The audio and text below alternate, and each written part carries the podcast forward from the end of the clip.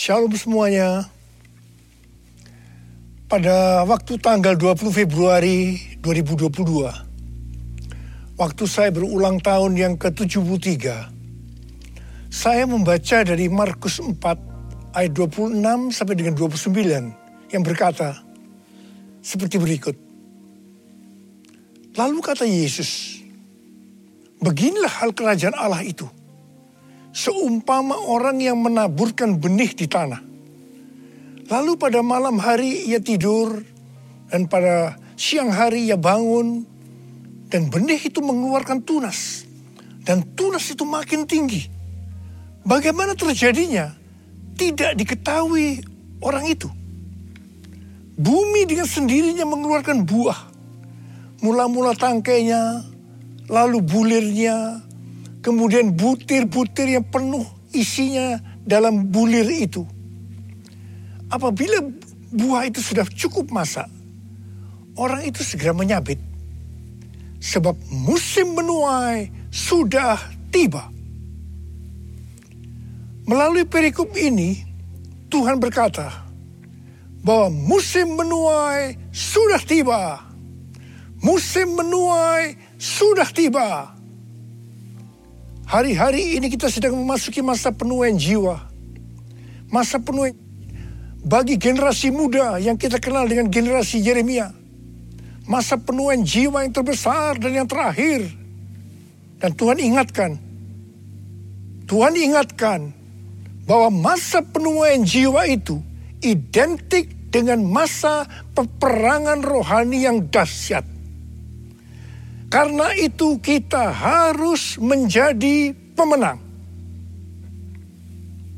Pada waktu Yosua menggantikan Musa untuk masuk dan merebut tanah perjanjian, maka supaya menjadi pemenang, Tuhan berpesan kepada Yosua dalam Yosua 1 ayat 7 sampai dengan 9 yang berkata, Hanya kuatkan dan teguhkanlah hatimu dengan sungguh-sungguh. Bertindaklah hati-hati sesuai dengan seluruh hukum yang telah diperintahkan kepadamu oleh hambaku Musa Janganlah menyimpang ke kanan atau ke kiri. Supaya engkau beruntung ke mana pun engkau pergi. Janganlah engkau lupa memperkatakan kitab Taurat ini. Tetapi renungkanlah itu siang dan malam. Supaya engkau bertindak hati-hati sesuai dengan segala yang tertulis di dalamnya. Sebab dengan demikian perjalananmu akan berhasil dan engkau akan beruntung. Bukankah telah kuperintahkan kepadamu, kuatkan dan teguhkanlah hatimu. Jangan kecut dan tawar hati, sebab Tuhan Allahmu akan menyertai engkau ke mana pun engkau pergi. Supaya kita menjadi pemenang seperti Tuhan berbicara kepada Yosua, maka yang harus kita lakukan adalah yang pertama, kuatkan dan teguhkanlah hatimu Jangan kecut dan tawar hati. Sebab Tuhan akan menyertai kita. Katakan amin. Yang kedua, jangan menyimpang ke kanan atau ke kiri. Dan yang ketiga, perkatakan firman Tuhan dan renungkan itu siang dan malam supaya kita bertindak hati-hati sesuai dengan firman-Nya. Jadi setiap kali bangsa Israel akan merebut suatu kota, mereka pasti akan bertanya kepada Tuhan, bagaimana caranya untuk menjadi pemenang? Kuatkan dan teguhkan hatimu, jangan takut dan tawar hati, sebab Tuhan besertamu.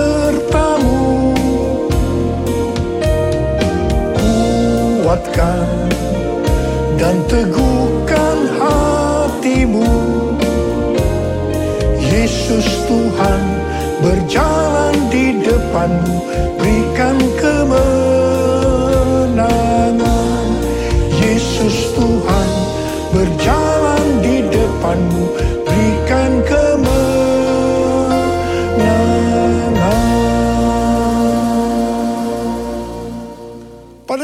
Hari ketika mereka akan merebut kota Ai, mereka tidak bertanya kepada Tuhan, Karena menganggap Ai adalah kota kecil dan jumlah orangnya sedikit.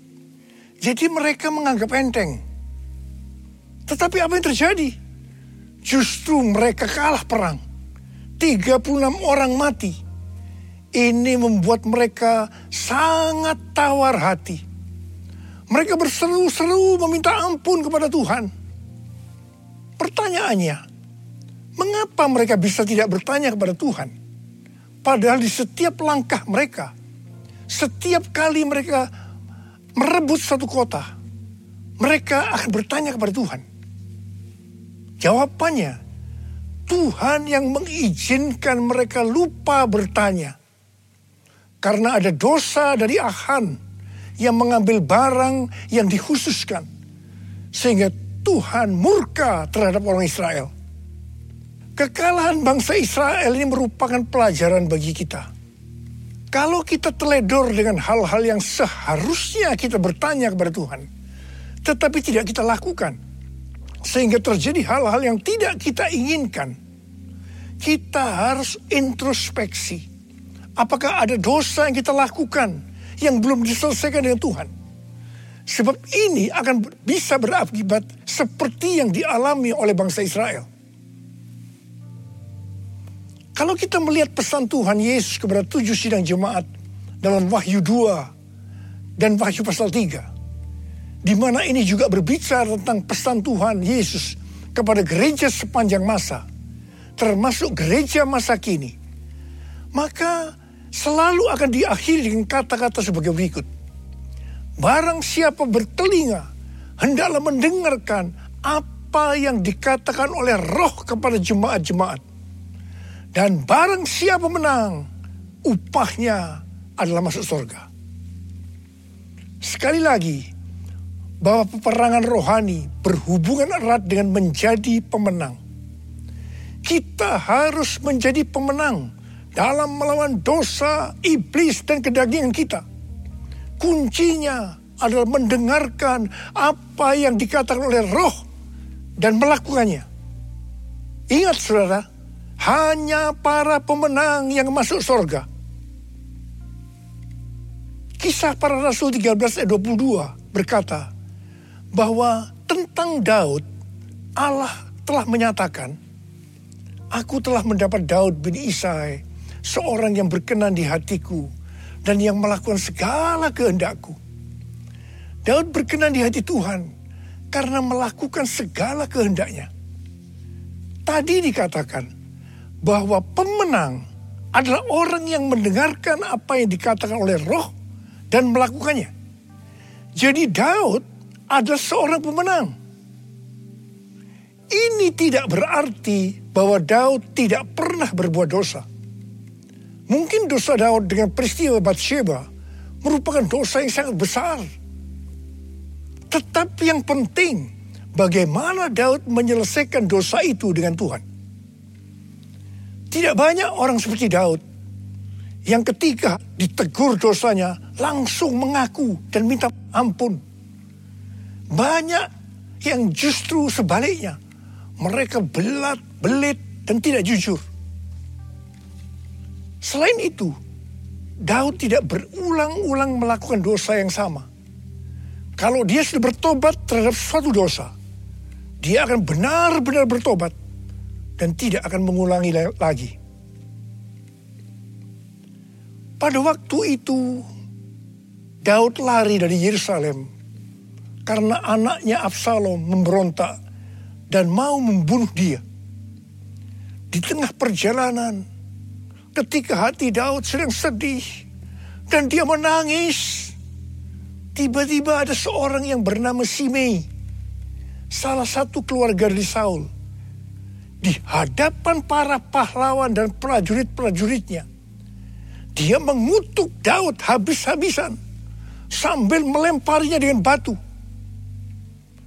Pada waktu Abisai, seorang pahlawan dari Daud, melihat itu dia minta izin kepada Daud untuk memenggal kepala Simei. Tetapi apa jawaban Daud? Perhatikan jawaban Daud ini. Biarlah dia mengutuk. Sebab apabila Tuhan berfirman kepadanya, kutukilah Daud. Kita bisa apa? Sedangkan anak kandungku ingin mencabut nyawaku. Apalagi dia yang bukan keluargaku. Biarkanlah dia. Dan biarkan dia mengutuk. Sebab Tuhan yang telah berfirman padanya demikian. Mungkin Tuhan akan memperhatikan kesengsaraanku ini. Dan Tuhan akan membalas yang baik kepadaku sebagai ganti kutuk orang itu kepadaku hari ini. Saudara, dalam pelayanan saya, mungkin saya ini termasuk salah seorang hamba Tuhan yang paling banyak dimaki-maki dan dikutuki orang. Terus terang saya banyak belajar dari Daud ini. Saya bersyukur kepada Tuhan bahwa sampai dengan hari ini saya masih diberi kesanggupan oleh Tuhan untuk melakukan seperti apa yang telah dilakukan oleh Daud. Akhir daripada pemberontakan Absalom anak Daud itu berakhir dengan kematian dari Absalom. Ketika Daud pulang kembali ke Yerusalem dan ia sampai ke tepi sungai Yordan, maka banyak orang yang menyambut dia, termasuk Simei. Simei sujud di hadapan Daud untuk minta ampun. Di sini kembali Abisai, pahlawan Daud, salah seorang pahlawan Daud tadi, yang pernah minta izin untuk memenggal kepala Simei. Berkata kepada Daud, agar Simei dihukum mati karena dia mengutuki orang yang diurapi Tuhan. Tetapi Daud dengan tegas berkata kepada Abisai, tidak. Kemudian Daud berkata kepada Simei, engkau tidak akan mati. Dan Daud bersumpah kepadanya.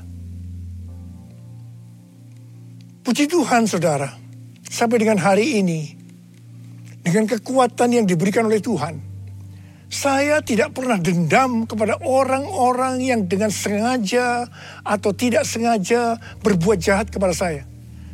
Meskipun mereka tidak minta maaf, saya tetap melupakan apa yang pernah mereka lakukan kepada saya. Haleluya.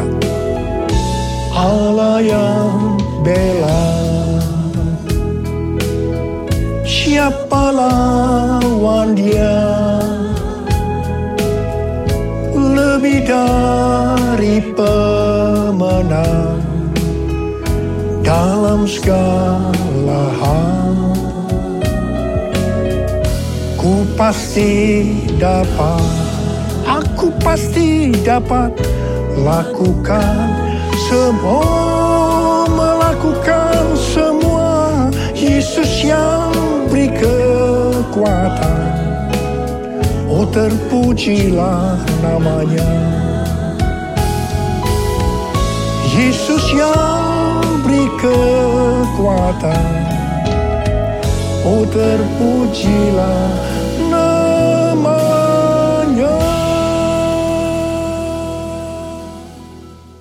Menjelang kematiannya, Daud memberikan pesan kepada Salomo.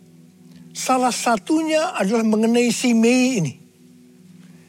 Daud berkata kepada Salomo, juga masih ada padamu Simei bin Gera, orang Benyamin dari Bahurim. Dialah yang mengutuki aku dengan kutuk yang kejam pada waktu aku pergi ke Mahanaim. Tetapi kemudian dia datang menyongsong aku di tepi sungai Yordan. Dan aku bersumpah kepadanya, demi Tuhan, tidak akan kubunuh engkau dengan pedang sekarang, janganlah bebaskan dia dari hukuman.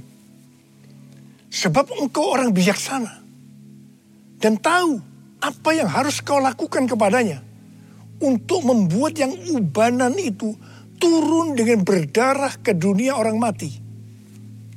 Wow, banyak komentar yang muncul dengan adanya pernyataan Daud ini.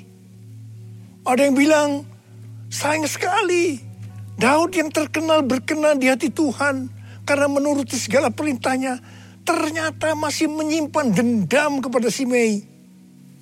Padahal dia sudah bersumpah untuk mengampuni Simei. Ada juga yang berkomentar, peristiwa Ini adalah di perjanjian lama.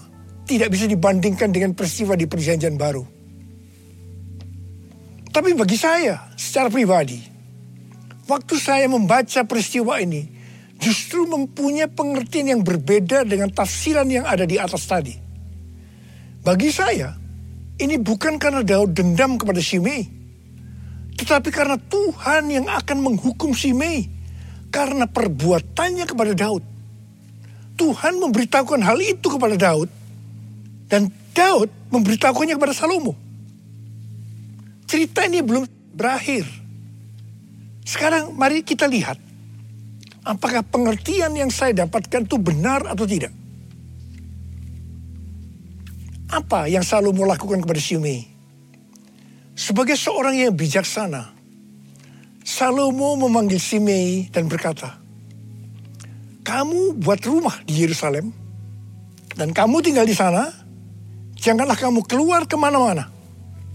Pada saat kamu keluar dan menyeberangi sungai Kidron, pastilah engkau dibunuh dan darahmu akan ditanggungkan kepadamu sendiri. Semuanya bersumpah dan setuju dengan perjanjian itu. Setelah lewat tiga tahun, dua hamba dari Simei lari kepada Raja Gad. Ketika Simei mengetahui hal ini, maka dia menjemput kedua hambanya itu. Dia lupa akan sumpahnya. Atau lebih tepat saya pakai istilah, bahwa Tuhan membuat dia lupa pada sumpahnya. Setelah Simei kembali ke Yerusalem, dia dipanggil oleh Salomo dia diingatkan akan perjanjian yang mereka buat dengan bersumpah. Mengapa engkau tidak menepati sumpah demi Tuhan itu dan perintah yang kuperintahkan kepadamu? Kemudian Salomo berkata kepada Simei, engkau sendiri tahu dalam hatimu. Segala kejahatan yang kamu perbuat kepada Daud ayahku. Maka Tuhan telah menanggungkan kejahatan itu kepadamu sendiri. Akhirnya si Mei dihukum mati dengan cara dipancung. Artinya dia turun ke dunia orang mati dengan berdarah seperti yang dikatakan oleh Daud kepada Salomo. Di sini jelas sekali bahwa bukan Daud yang dendam kepada Simei, tetapi Tuhan sendiri yang menghukum Simei karena kutukan-kutukan jahat yang keluar dari mulutnya kepada Daud. Melalui kisah Simei ini, Tuhan mengingatkan kita tentang mulut. Menurut kalender Ibrani, bahwa dari tanggal 6 September 2021 sampai dengan 26 September tahun 2022, kita masuk dalam tahun 5782 yang disebut sebagai tahun Pebet. Pebet artinya 82. P adalah angka 80 yang menggambarkan mulut. Bet atau huruf kedua dalam alfabet Ibrani digambarkan dengan sebuah tenda atau rumah atau tempat kediaman. Ada dua tempat tinggal dari umat manusia. Yang pertama adalah di bumi. Dan yang kedua, di sorga atau di neraka. Sekarang dalam tahun 5782 atau PBET ini, kita diingatkan bahwa kita masih hidup dalam dunia ini. Tetapi segala apa yang kita lakukan, apa yang kita ucapkan, apa yang kita tuliskan dan ucapkan di media sosial, bukan seperti cara-cara dunia, tetapi harus dengan cara surga. Microsoft merilis tentang indeks keberadaban digital atau Digital Civility Index yang menunjukkan tingkat keberadaban pengguna internet atau netizen sepanjang tahun 2020. Ternyata tingkat keberadaban netizen di Indonesia sangat rendah dari survei terhadap 16.000 responden di 32 negara, Indonesia berada di peringkat 29 dan yang terburuk di Asia Tenggara. Wow. Saya percaya dari netizen ini pasti juga termasuk orang-orang Kristen. Saya akan mengingatkan kepada saudara tentang perkataan Tuhan Yesus dalam Matius 12 ayat 36 dan 37 yang berkata, Tetapi aku berkata kepadamu, setiap kata yang sia-sia yang diucapkan orang harus dipertanggungjawabkannya pada hari penghakiman. Karena menurut ucapanmu engkau dibenarkan. Dan menurut ucapanmu pula engkau akan dihukum. Tuhan Yesus akan datang segera. Maka karena itu kita semua harus berhati-hati dengan mulut kita. Dengan apa yang kita tulis atau perkatakan di media sosial. Apakah itu hoax atau ujaran kebencian supaya jangan kita dihukum. Mulutku penuh dengan pujian kepadamu ya Yesus Tuhan. Sepanjang hari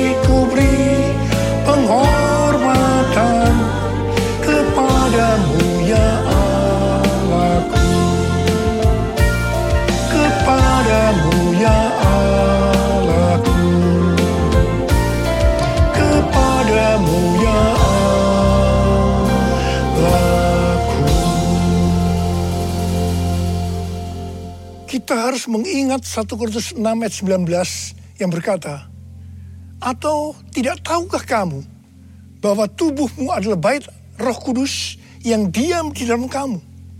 Roh kudus yang kamu peroleh dari Allah. Dan bahwa kamu bukan milik kamu sendiri. Sekali lagi saya ingatkan bahwa tubuh kita bukan milik kita sendiri. Mulut kita bukan milik kita sendiri, tetapi miliknya Tuhan Yesus. Karena kita sudah dibeli dengan harga yang mahal dari kuasa iblis dengan darah Tuhan Yesus sendiri. Kita harus menggunakan mulut untuk berbicara hal-hal yang sesuai dengan firman Tuhan. Termasuk juga saat berbicara dan menulis di media sosial. Karena itu, sekali lagi saya mau katakan, jadilah pemenang. Jadilah pemenang. Saya berdoa agar kita semua menjadi pemenang. Dan sekali lagi, hanya pemenang yang masuk sorga. Saya mau berdoa buat saudara. Ada berapa banyak di antara saudara yang berkata kepada Tuhan, Tuhan, saya mau jadi pemenang. Saya mau jadi pemenang. Mari angkat tangan kita. Kita nyanyikan lagu ini bersama-sama. Allah yang bela. Siapa lawan dia? Lebih dari pemenang dalam segala hal. Ku pasti dapat, pasti dapat lakukan semua, melakukan semua. Yesus yang beri kekuatan, oh terpujilah namanya. Yesus yang beri kekuatan Oh terpujilah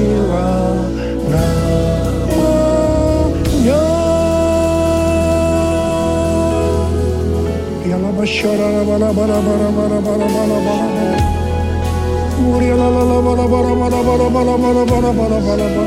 tangan saudara Saudara mau didoakan mau jadi pemenang Angkat tangan Tuhan kau melihat tangan-tangan yang terangkat saat ini Anak-anakmu mau jadi pemenang ya Tuhan Menjadi pemenang dan hambamu tahu Itulah yang kau kehendaki agar kami semua menjadi pemenang Oh rabababababababa berdoa buat mereka ya Tuhan Berdoa buat segala pergumulan yang mereka hadapi hari-hari Jadikan mereka pemenang mereka pasti dapat ya Tuhan karena Engkau yang menyertai kami.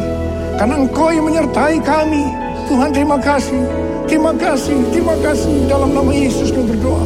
Orala masih Dalam nama Yesus, haleluya.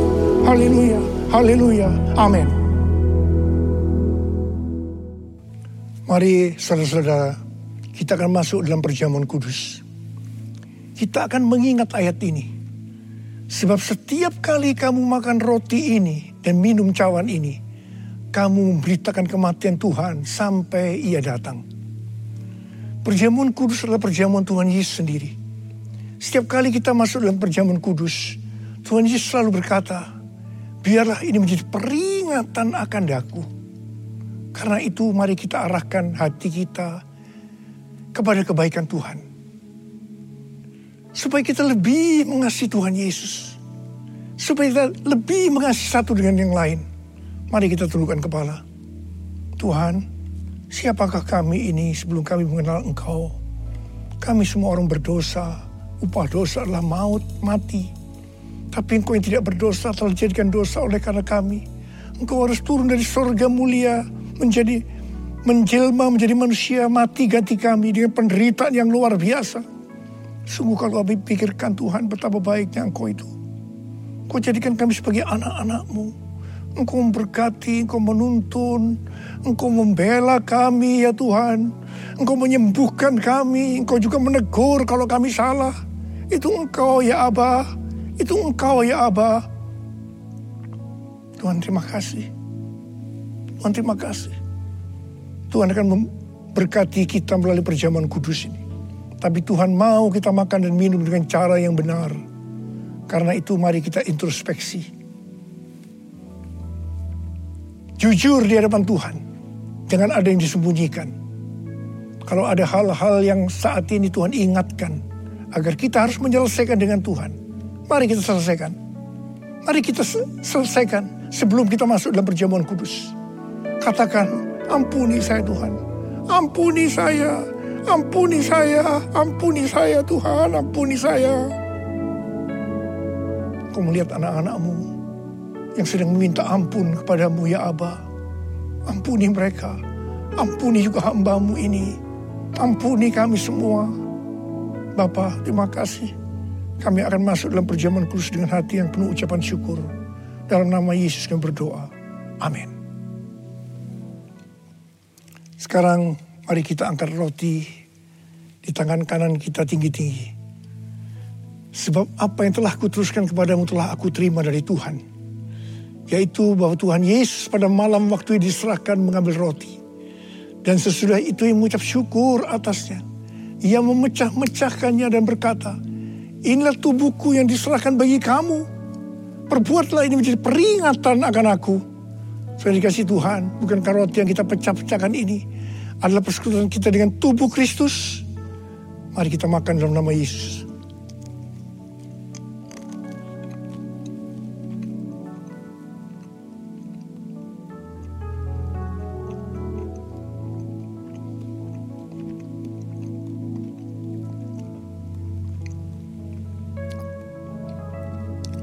Mari angkat cawan di tangan kanan kita tinggi-tinggi.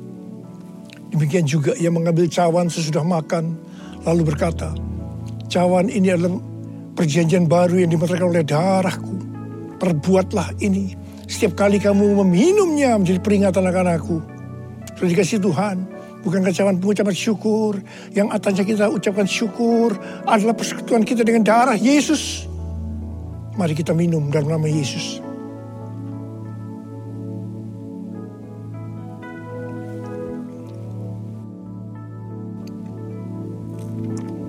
Mari angkat tangan kita. Ucapkan syukur kepada Tuhan dengan suara. Jangan diam. Tuhan terima kasih. Tuhan terima kasih buat kebaikanmu ya Tuhan. Oh rala bara ya bara bara bara bara bara terima kasih. Terima kasih Tuhan, terima kasih. Tuhan terima kasih. Tuhan Engkau melihat anak-anakmu semua ya Tuhan. Engkau mengasihi mereka. Berkati mereka, Engkau menyembuhkan mereka yang sakit, yang dalam persoalan, Engkau memberikan jalan keluar. Mujizat terjadi dalam kehidupan mereka. Terima, terima kesembuhan, terima mujizat Tuhan, terima, terima, terima, terima, terima, terima. Terima kasih ya Abah. Terima kasih ya Abah. Terima kasih, terima kasih, terima kasih. Terima kasih Yesusku. Terima kasih Yesusku. Puji syukur hanya bagi Tuhanku. Terima kasih Yesusku. Terima kasih Yesusku. Puji syukur hanya bagi Tuhanku. Terima kasih, terima kasih Yesusku, terima kasih Yesusku.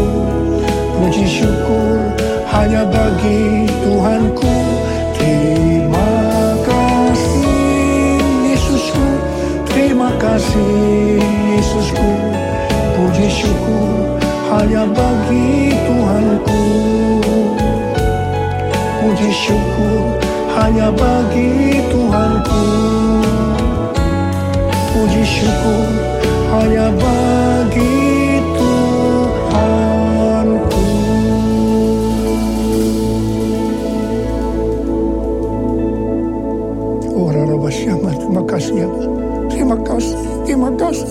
Terima kasih, terima kasih, ya Terima kasih.